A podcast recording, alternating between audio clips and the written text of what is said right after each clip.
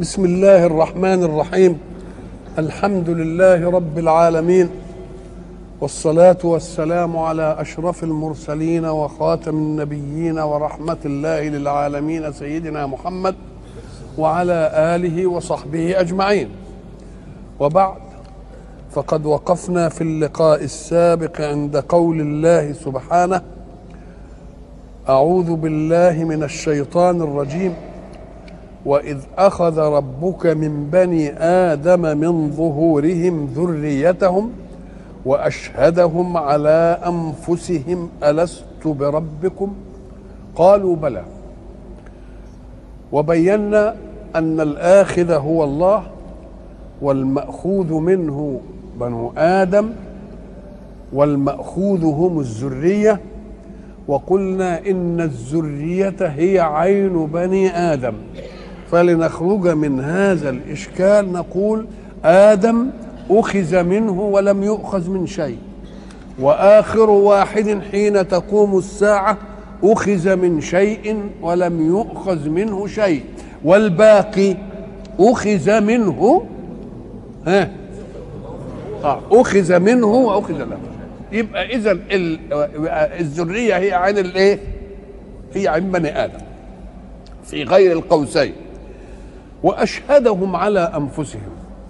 يقال أشهدته جعلت شاهد. ليه؟ لأن الشهادة على النفس لون من الإقرار. وما دام الإقرار يبقى سيد الأدلة. مش لأنك حين تشهد غيرا على غير يبقى في كلام. إنما أنت بتشهد مين؟ أشهدهم على أنفسهم. فلما أشهدهم كان الرد الطبيعي يقولوا إيه؟ شهدنا. طب والعملية دي أخذ عهد الفطرة وعمل العملية دي كلها وقالوا شهدنا علشان إيه؟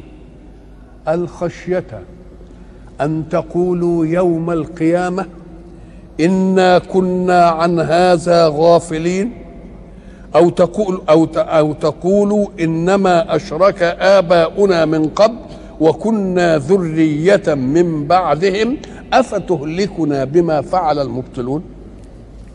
كأن الحق يريد أن يقطع عليهم حجة مخالفتهم لمنهج الله.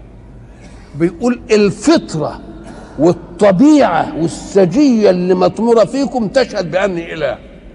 فاشهدوا بها دلوقتي قبل أن توجد أغيار الشهوات فيكم حين التكليف.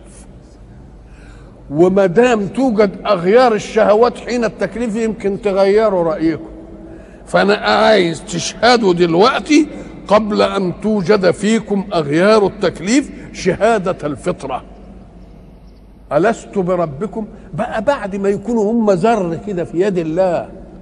يقولوا لا ما انتش ربنا. هي ده معقول؟ آه يبقى ألست بربكم؟ قالوا إيه؟ بلى يعني إيه؟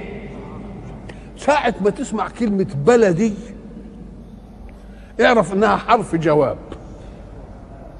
فيه بل حرف عطف. إنما بلا حرف إيه؟ جواب. جواب يعني إيه؟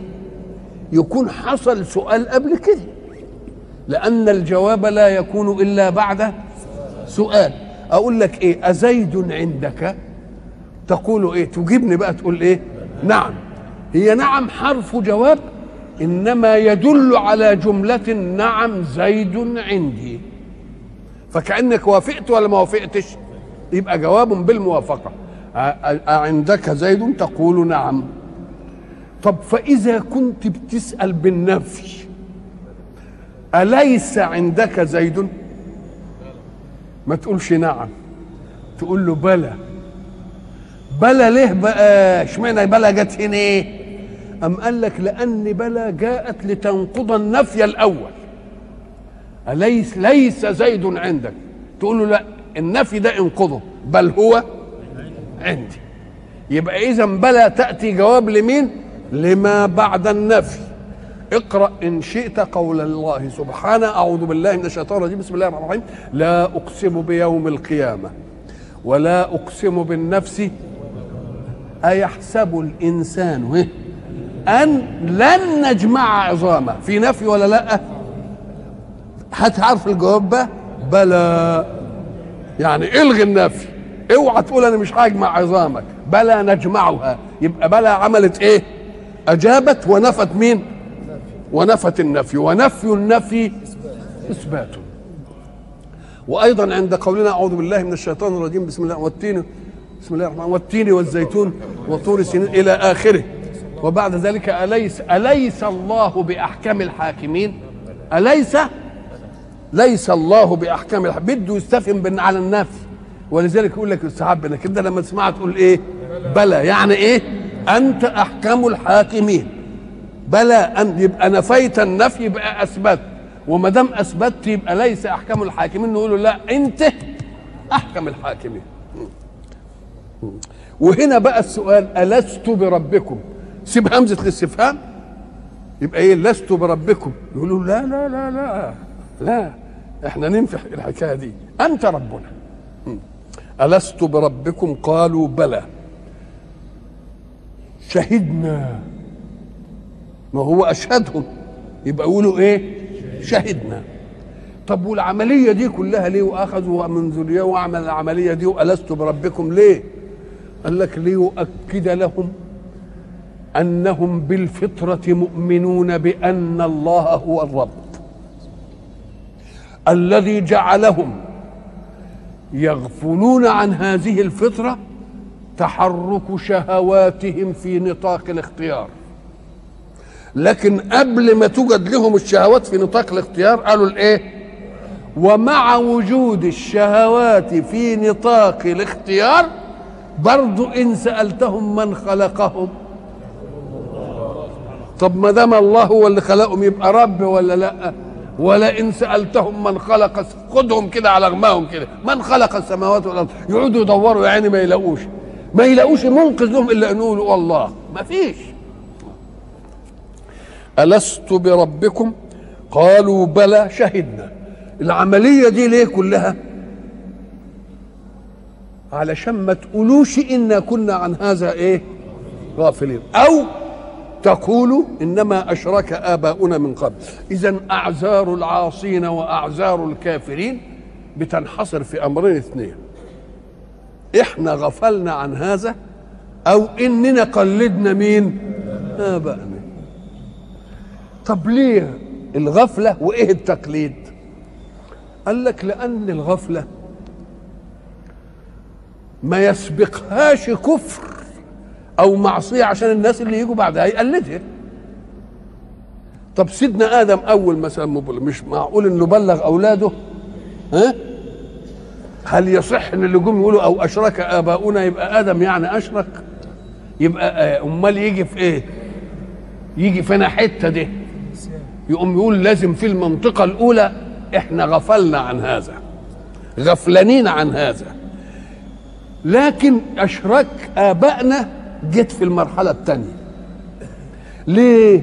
لأن لو كل واحد هيقلد أبوه في الإشراك تقوم تنتهي لآدم. طب هو آدم كان مشرك؟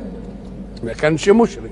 يبقى لازم اللي يجي بعد آدم ما يحصلش منه إشراك تقليدي بل تحصل منه غفلة عن المنهج. يبقى أول مرتبة الإيه؟ الغفلة عن المنهج. طب وليه الغفلة عن المنهج؟ أم قال لك لأن المنهج بيتطلب تكاليف شقه إننا نعمل حاجة تقيلة علينا ونسيب حاجة بنحبها وخفيفة علينا. فدي نعمل فيها إيه؟ اللي بيسموه إحنا عندنا لما يجي مثلا الست أو يقول لك هات لي كذا وهات لي كذا وهات لي كذا يقول وبعدين ما تجبتش تقول له أنت مطنش عن الحكاية دي ليه؟ مطنش يعني عن يعني نسيها كده وغفلان عنها ولا هيش في بؤرة شعورك يبقى إذا الواحد بيعمل في بؤرة شعوره الشيء اللي يهمه والشيء اللي هيكلفه يعمل فيه إيه؟ الشيء اللي يكلفه يقوم إيه يحاول إنه إيه؟ إنه ينساه ويغفل إيه؟ ويغفل عنه يبقى أول مرحلة من مراحل التفصي عن منهج الله الغفلة فإذا ما جاءت الغفلة ونشأ الأولاد الذين شاهدوا الغفلة في آبائهم. يبقى عليهم إيه؟ عاملين اتنين. عامل الغفلة بتاعهم وعامل مين؟ الأسوة في إن أهله أبوه عمل كذا وعمل كذا وعمل كذا وعمل كذا. خلاص تبقى انتهت المسألة. يبقى إذا أول منهج في التصفصي عن منهج الله المين؟ الغفلة. وما أسباب الغفلة؟ أن القضايا الإيمانية لم تكن في بؤرة الشعور. ولذلك يقول لك مثلا الغالب كده إن ما فيش واحد ينسى اللي له. إنما اللي ينزل اللي عليه يقول له إيه يا شيخ؟ والله أنا ما كنت ما كنتش فاكر ليه؟ لأنها مش في بؤرة الإيه؟ مش في بؤرة الشعور. إنما اللي له في بؤرة إيه؟ في بؤرة الشعور. فكل ما يكلفه مشقة يحاول إنه إيه؟ إنه يبعد عنه إنسان. وكذلك يحاول الإنسان ان هو ينأى بنفسه عن المواضع. دي. افرض إنني مديون لمحل فيه بآلة ولا أي حاجة وبعدين ما ده ما عنديش فلوس أدي أو عايز أطنش ما أروحش ناحيته. ونقابلنا زوغ منه الله يبقى اذا افتعال الغفلة أمر منج من مشقات التكاليف. قالوا بلى شهدنا مخافة أن أخذنا ذلك العهد عليكم وأقررناكم واستشهدنا بكم على نفسكم حتى لا تقولوا إنا كنا عن هذا غافلين. ولا يصح أن نغفل عن هذا. ليه؟ لأن ده ربنا اللي خلقني وخدنا ذر كده في إيه؟ هو اللي, اللي عامل علينا العهد. كان المفروض إننا من إيه؟ ما نغفلش عن هذه أبدا. ولذلك قول الحق سبحانه وتعالى في سيدنا آدم ولقد عهدنا إلى آدم من قبل فنسي. طب يا رب ما دام نسي هو النسيان عليه؟ أم قال لك إيه؟ وده كان قبل كده الأمم كلها تؤخذ بإيه؟ بالنسيان. رفع عن أمة الإيه؟ الخطأ والنسيان وما استكرهوا عليه. الخطأ مع مع معلوم. أنا أقصد شيء وجي غيره. النسيان الحكم ما يجيش على إيه؟ على بال. مكره إن واحد أقوى مني هددني بفقد حياتي إن لم أفعل. يبقى مرفوع عن الإيه؟ عني التكليف. فقول الرسول والنسيان دليل على أن النسيان كان قبله مؤاخذ به. أم قال لك وقبله؟ سلسل قبله دي. سيدنا آدم. بأي شيء كلفه الله. أولا بأي شيء خلق. كيف خلق؟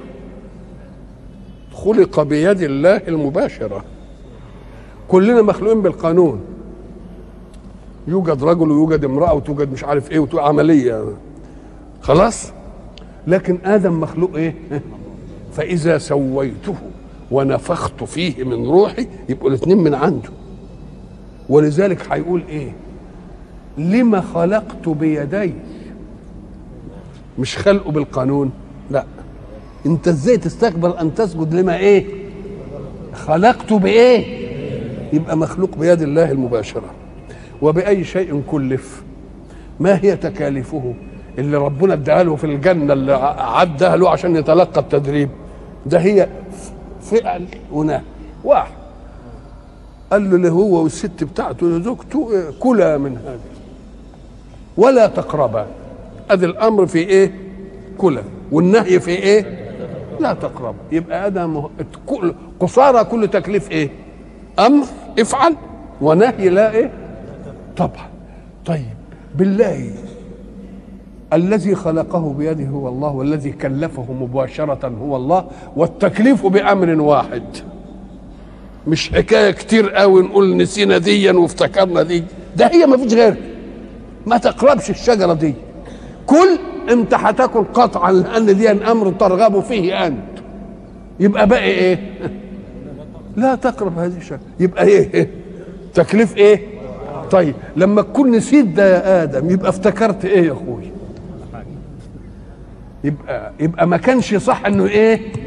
لأنه مخلوق بيد الله المباشرة ومكلف من الله مباشرة والتكليف هنا وإن كان بأمرين إنما ظاهر العبء فيه على إيه؟ على واحد لأن كل دي مصلحته. لا تقرب هي دي اللي إيه؟ اللي فيها. يبقى تكليف واحد ولا لأ؟ يبقى ما كانش صح الإيه؟ يكلفه. ولذلك قال في آيات أخرى وعصى آدم ربه فغوى. نقوم نقول له عصى ونسي. ما هي أيتين هم؟ ولقد عهدنا إلى آدم من قبل فإيه؟ وهنا وعصى آدم ربه يبقى هو عصيان ولا نسيان؟ خلاص كده؟ نقول له لا هو نسيان لأمر واحد مش تكاليف كتيرة ما كان يصح أن ينساه لأنه واحد والمكلف به الله مباشرة الذي خلقه بيده مباشرة. يبقى ما كانش يبقى نسيانه معصيه هنا. يبقى نسيانه إيه معصية. أو تقولوا إنما أشرك آباؤنا من قبل يعني بقت في أسوة. يبقى اذا المنهج التفصي عن منهج الله تيجي غفلة وغفلة لأن التكاليف تبقى شقه الإنسان إيه؟ يصهين عنها. وبعدين لما يصهين عنها الجيل الأول يجي الجيل اللي بعده يجد إيه؟ عاملين اثنين يتعاونان معا على أن يتفصى في المنهج. غفلته عن تكاليف لأنها شقه إيه؟ وتقليده لابائه تقليده لابائه أن تقولوا يوم القيامة إنا كنا عن هذا غافلين أو تقولوا إنما أشرك آباؤنا من قبل وكنا ذرية من بعده. قعدنا قلنا أبهاتنا بيعملوا ده, ده إحنا عملناها. ونقول لهم هو أيمان المقلد؟ أنتوا قلدتوا في الفعل. ألم يوجد لكم بلاغ منهم بأن مطلوب كذا ومطلوب كذا ومطلوب كذا؟ أفتهلكنا بما فعل المبطلون اللي هم مين؟ آبائهم المقلدين. وكذلك نفصل الآيات. ولعلهم يرجعون. نفصل الآيات. عهود خاصة. ورفع الجبل عشان ياخذوا التوراة بإيه؟ بقوة. وعهد عام اشترك فيه كل الخلق من لدن آدم إلى أن تقوم الإيه؟ الساعة. بنجيب كل المسائل دي ليه؟ علشان إيه؟ علشان نؤكد لهم أن قضية الإيمان عقديا يجب أن تكون في بؤرة الشعور. فمن غفل فليتذكر. يرجع عن الغفلة بالتذكر. ومن قلد آباءه في شيء فليرجع عن هذا التقليد لأن التكاليف الإيمانية تكاليف ذاتية. إزاي؟ نقول له إحنا الحق سبحانه وتعالى لا يكلف وأنت في حاجة إلى أبيك. ولا في حاجة إلى أمك عشان ما تقولش ده هم اللي بي ما بيكلفكش إلا إمتى لا بعد البلوغ. بعد إيه؟ ليه؟ لأنك أنت بقيت بعد البلوغ رجل زي أبوك تمام. وما دام راجل زي أبوك صالح لأن تنجب مثلك يعني أنا اتجوزت النهارده تخلف بقت ليك ذاتية. ليك ذاتية يبقى أبوك ما إيه؟ ملوش ولاية إيمانية عليك ابدا. ما تقولش إن أنا بقلد ابويا الكلام ده لو كنت مكلفك وأنت صغير تقول أمال مين اللي يأكلني؟ أمال مين اللي يشربني؟ أمال مين اللي بيرضعني؟ نقول له لا أنت لا تكلف إلا بعد إيه؟ إلا بعد البلوغ. ومعنى بعد البلوغ أنك صالح لإنجاب مثلك وما دام بقيت صالح لأنجاب مثلك بقيت راجل وما دام بقيت راجل تبقى مسائلك مع إيه؟ وفيه فرق. ولذلك الحق سبحانه وتعالى يطلب من الآباء إنهم يبادرون بتكليف أبنائهم قبل مجيء أوان تكليف الله. خلاص كده؟ النبي عليه الصلاة والسلام يقول إيه؟ مروهم بالصلاة لمين لسبع. طب ده لسه التكليف ما جاش. واضربوهم عليها لعشر. يا رب أنت ما تكلفش إلا بعد البلوغ. أم قال هو أنا بقول أنا آمرهم بالصلاة لسبح ده أنا عايز القريب الأب القريب منهم ده اللي له ولايه عليهم هو اللي جايبهم هو اللي بيرزقهم يبقى له إيه؟ أمر. ولذلك وكلته بالعقوبة. مروهم بالصلاة لإيه؟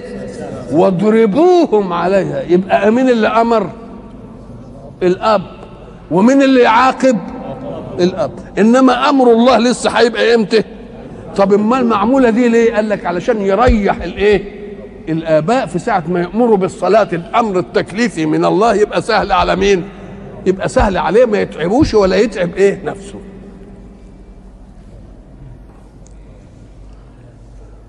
وكذلك نفصل الآيات ولعلهم يرجعون. أي الغافل يرجع عن إيه؟ عن غفلته فيتذكر.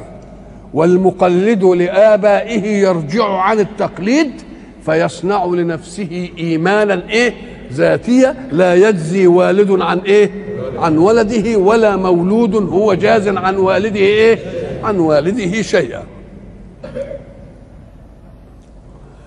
واتل عليهم نبأ الذي آتيناه آياتنا فانسلخ منها.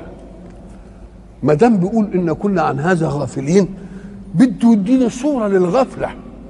صورة للغفلة في ان واحد حبر ربنا اداله اياته واداله علمه واداله كل حاجة.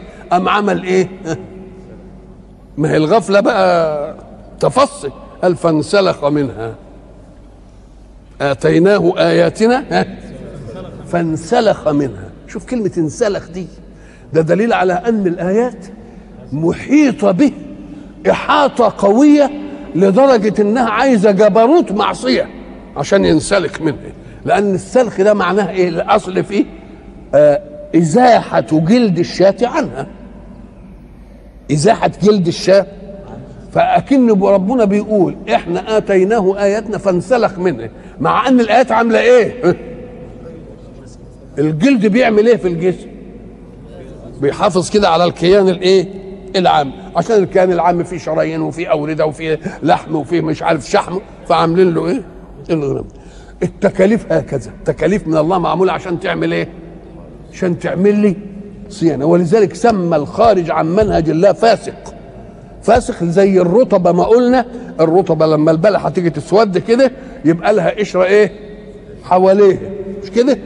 لما القشر لما الشمس تضرب البلحة اللي قشرتها بقت سودة تقوم تبخر منها شوية مية.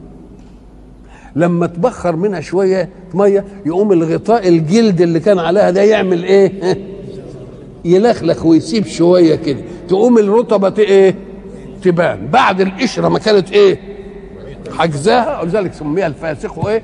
فاسقا لأن لفسوق الرطبة عن قشرة إيه؟ عن قشرتها. فكانه بيقول آتيناه آياتنا. وما دام آتيناه آياتنا يبقى كان لازم إيه؟ ما يغفلش عنها. لأنها إيه؟ لأن إحنا الاتين عاملينه عشان إيه؟ نحافظ عليه.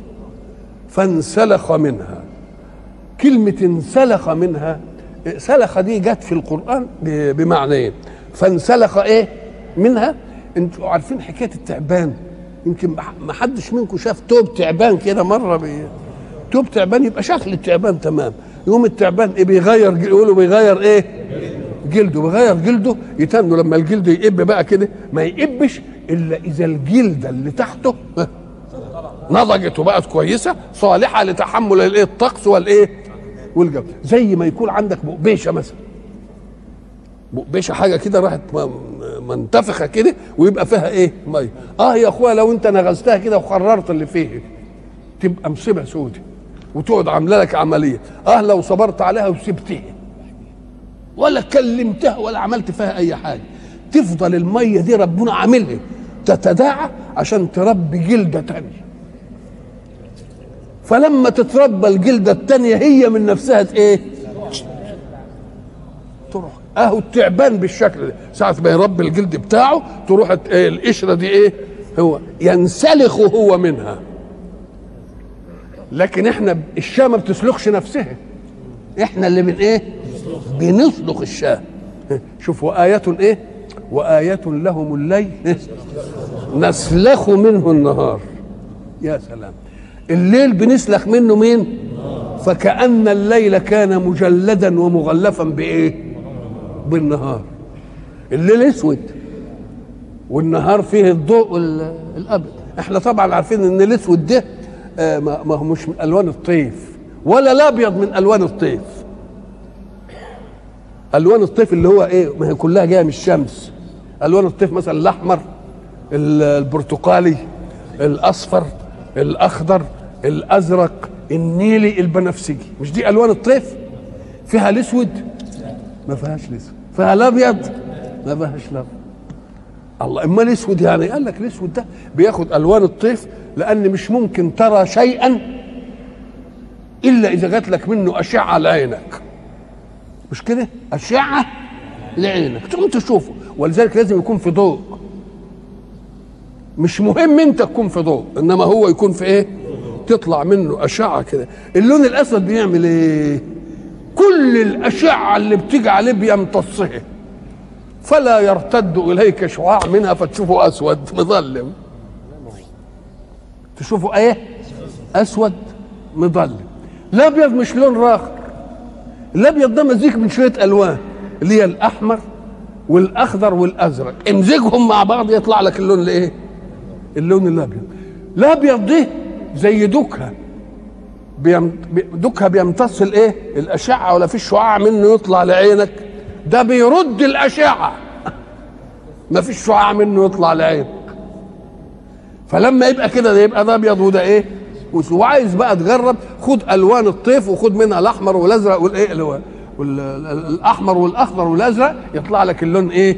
الأبيض وبيعملوها في دوائر متداخلة كده تقوم تلتفت تلاقي الإيه؟ اللون الأبيض. طيب الليل نسلخ منه النهار. طب الليل لونه إيه؟ أسود.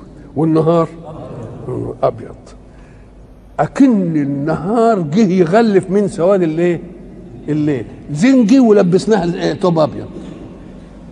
زنجي ولبسناه إيه؟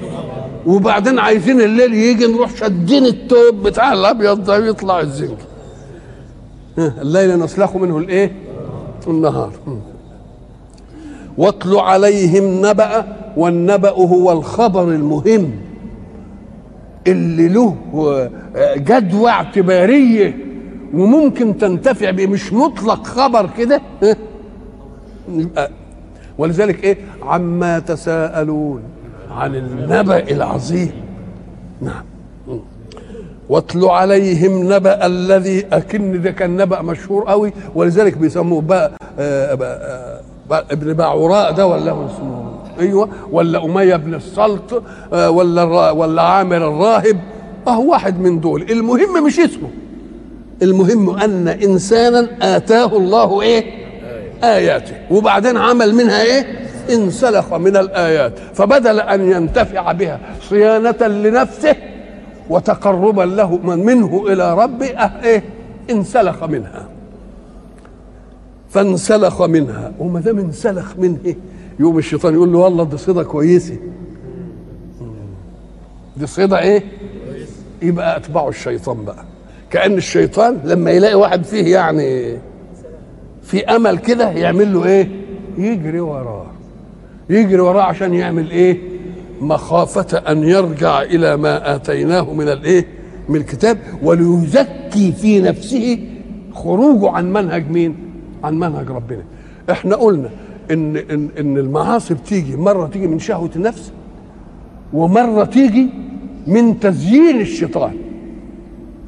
وقلنا علشان نفهم الفرق طب أفهم إن المعصية دي من نفسي ولا المعصية من الشيطان لا يجرؤ عليك الشيطان إلا الأول إن عملت يعني حاجة كده يعني يقول لك ده دي فيه إيه؟ في أمل. يجي منه.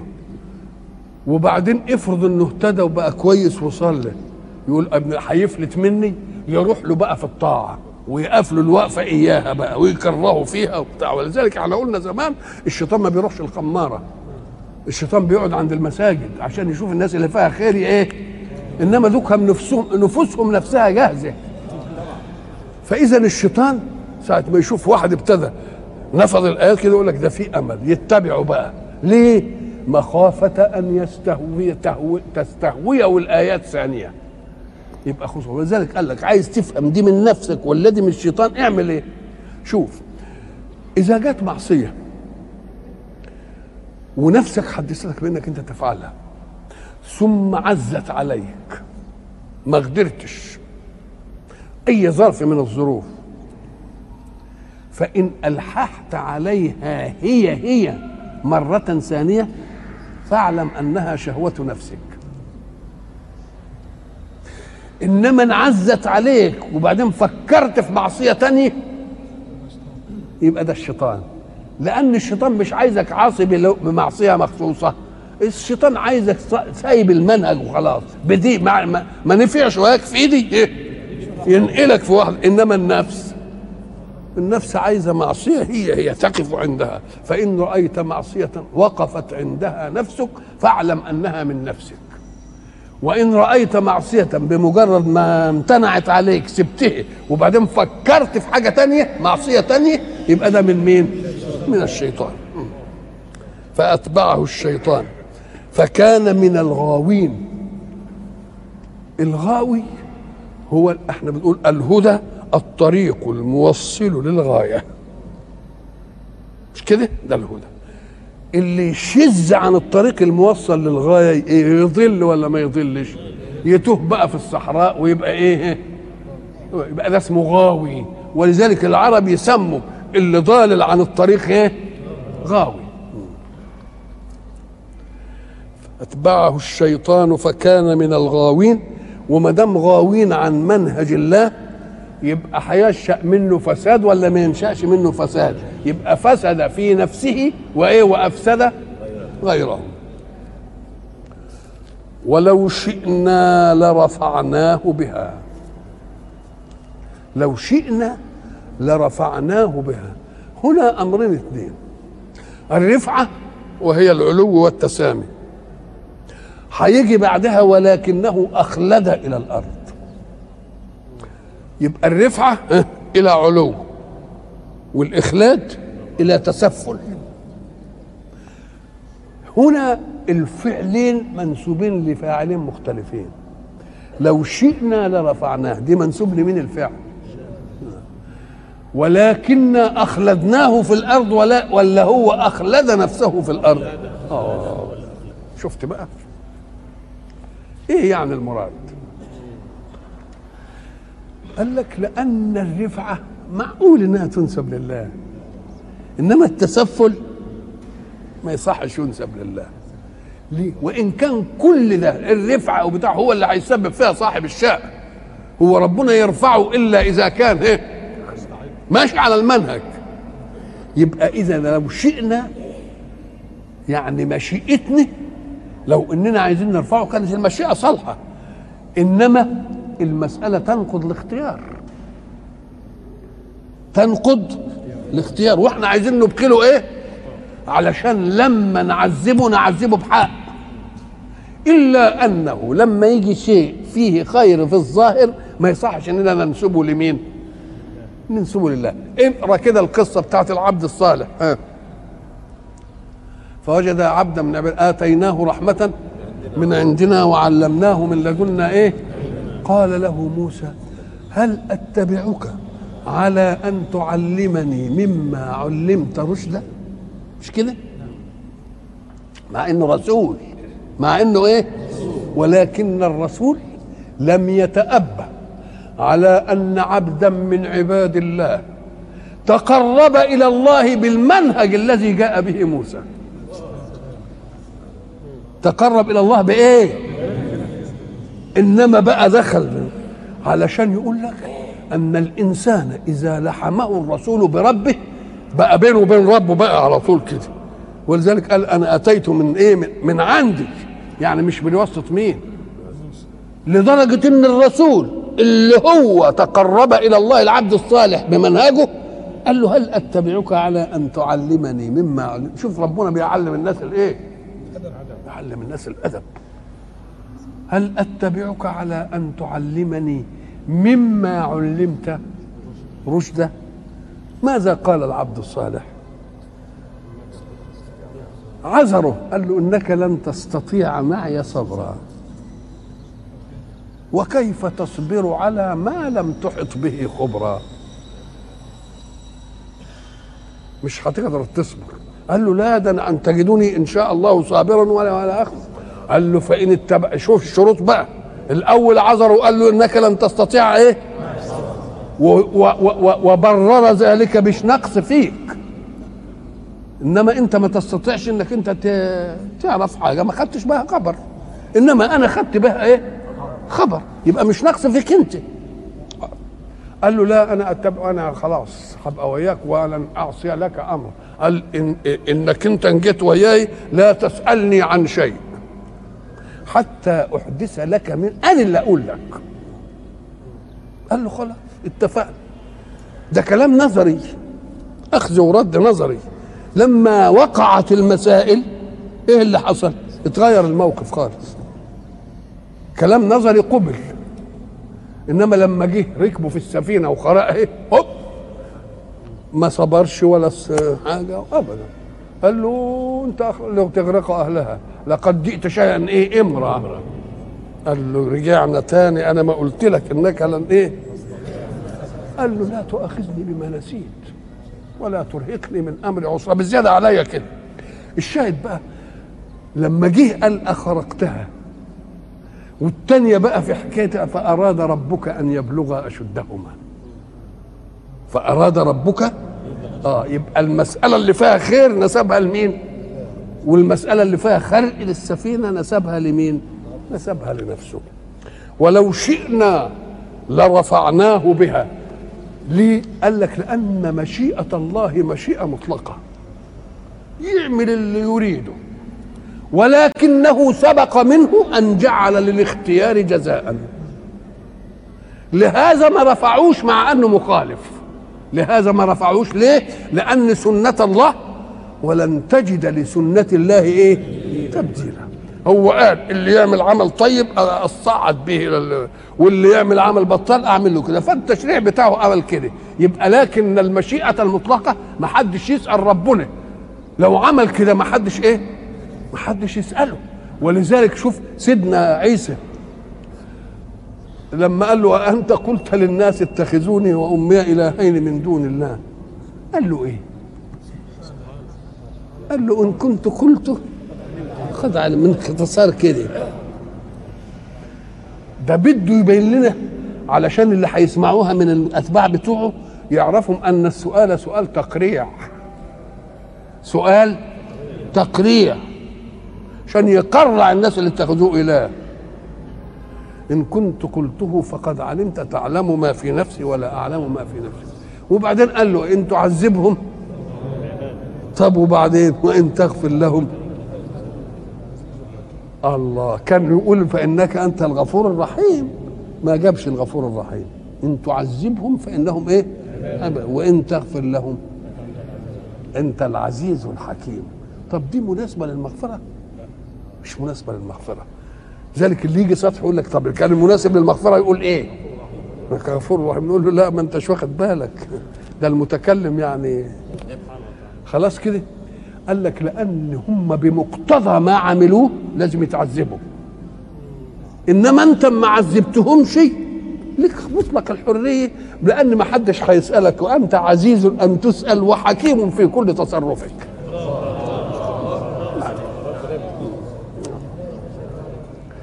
ولو شئنا لرفعناه بها. ولكنه أخلد إلى الأرض واتبع هواه. أخلد إلى الأرض. إحنا عايزينه إيه؟ نصعد وهو عايز إيه؟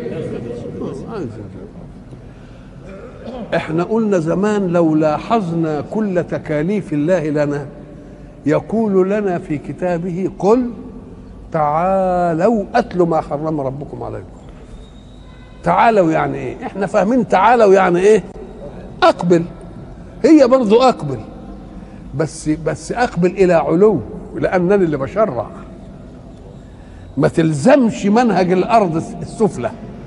بل ارتقي إيه؟ وخذ منهجك مين؟ يبقى تعالوا يعني إيه؟ تساوم تسا تساموا في أخذ منهجكم من الله الأعلى. اوعوا تاخذوا منهجكم من بعض. لأن ده يبقى تسفل ونزول إلى الايه؟ إلى الحضيض. ولكن أنا اريد ان تاخذوا منهجكم من إيه؟ من السماء ولو شئنا لرفعناه بها ولكنه اخلد إلى الأرض واتبع هواه. فمثله كمثل الكلب. إن تحمل عليه يلهث أو تتركه يقال حملت على الكلب الكلب جاي وانت قاعد كده مقبل هو مقبل عليك تقوم تقول إيه حملت عليه. يعني زجرته وطردته ونهرته. امشي. اسمه إيه ده؟ تحمل عليه. إن تحمل عليه طردا أو إيه؟ أو زجرا. يلهث. أو تتركه بدون حمل عليه طردا أو زجرا برضه يلهث. فهو لاهث إيه؟ دائما. الحكاية دي في الكلب لوحده أنه يلهث دائما. يلهث يعني إيه؟ يعني يأخذ نفسه بسرعة زي ما إحنا بنقول يعمل إيه؟ ها؟ ينهج هي كده على طول كده. يلهث يعني إيه؟ ينهج بس ينهج مع إخراج لسانه. زود دي. يبقى يلهث يعني إيه؟ ينهج مع إخراج لسانه. عادة الحيوانات ما تنهكش إلا إن فزعت فجرت. لأنها بدها تجري عشان تفوت من الايه من الألم أو من العذاب اللي اللي عايز صاحب الجري ينال بها. فلما يجري إحنا عارفين إن الجري عايز طاقة وعايز دم وعايز القلب يشتغل كتير والقلب عايز رئة تديله هواء الهواء اللي في الصدر ما يقضيش حكاية الجري. ولذلك لما تكون قاعد رتيب كده ما تدراش وانت بتتنفس. مش كده ولا إيه. الصدر بيتملي وبعدين بيدي للايه؟ للبدن زي ما هو. زي ما يقول. لكن إذا جريت تجويف الصدر أو سعة الصدر ما تقضيش إنها تعمل الأكسجين عشان تودي الدم لل- للحركة الجديدة دي. يقوم يعمل إيه؟ يحاول ياخد نفس كتير. يعني بيدخل إيه؟ عشان يدي يدي طاقة وايه وقود الحيوانات ما تعملش دي إلا إذا كانت جائعة أو متعبة أو مهاجة. لكن الكلب وحده هو الذي يعملها. جائع ولا شبعان؟ عطشان ولا مش عطشان؟ مسجور ولا مش مسجور تلتفت تلاقيه قاعد كده من حاله كده وهو مش عارف إيه. هو قاعد عمال بإيه؟ عمال بايه يلهث طب ده معناه إيه؟ بيشبهه بالكلب في إنه هو بلد. قال لك الذي بهذا الشأن تجده مكروب دائما. هو متبع هواه يبقى هواه مسيطر عليه. وما دام هواه مسيطر عليه يبقى الشهوات هي المتحكمة فيه. مش يفتكر في الشهوة ساعتها تتحقق له الآن يقول يا ترى هفضل هقدر بكرة آكل الأكلة دي برضه؟ هيبقى عندي وأكلها بكرة؟ انت في إيه؟ الشهوة عاملة في إيه؟ مش مالكة ظرفه؟ لا. عايز يضمن. بكرة. طب ويا ترى أنا هفضل عايش لبكرة وأتمتع بها كده؟ آه يبقى اللي انشغل بهم نفسه يبقى إيه؟ يبقى سواء كان مبسوط مكروب لأنه إما أن يخاف أن يفوته النعيم أو أن يفوت هو النعيم. يفضل مكروب إيه؟ دائما. كحال الكلب يلهث آمنا أو غير آمن جائعا أو غير جائع عطشان أو غير إيه؟ أو غير عطشان. فمثله كمثل الكلب إن تحمل عليه يلهث أو تتركه يلهث. ذلك مثل القوم الذين كذبوا بآياتنا. مثل إيه؟ اللي هو الذي آتيناه الكتاب ولا المثل بتاع الكلب ده؟ كل من كذب بالآيات يكون هذا إيه؟ مصير فاقصص القصص لعلهم يتفكرون. اقصص القصص. آه يبقى فايدة القصص في القرآن. إن الله لا يريد أن يعلمنا تاريخا وإنما يريد أن يعلمنا التقاط العبرة من تاريخ. بدليل إنه كرر القصة كذا مرة لتعدد ما فيها من الإيه؟ ولو أنه أراد أن يخبرنا عن الحكاية كان يقولها مرة إيه؟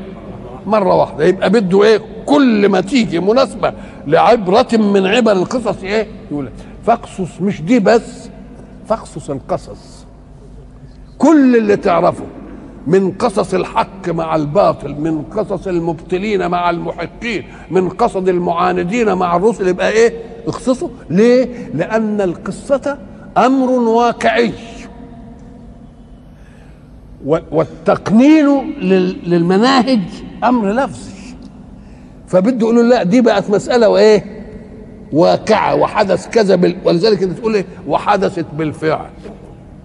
لما تيجي تقول له اوعى تعمل كذا أحسن يحصل كذا يقول لك وحدثت بالفعل في الحتة الفلانية.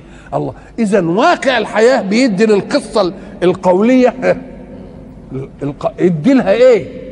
يدي لها حرارة زي ما يقولوا وسخونة ويتمثلها بقى واقع كده موجود علشان ما تفتكرش إن كلام إيه؟ كلام نظري وإلى لقاء آخر إن شاء الله.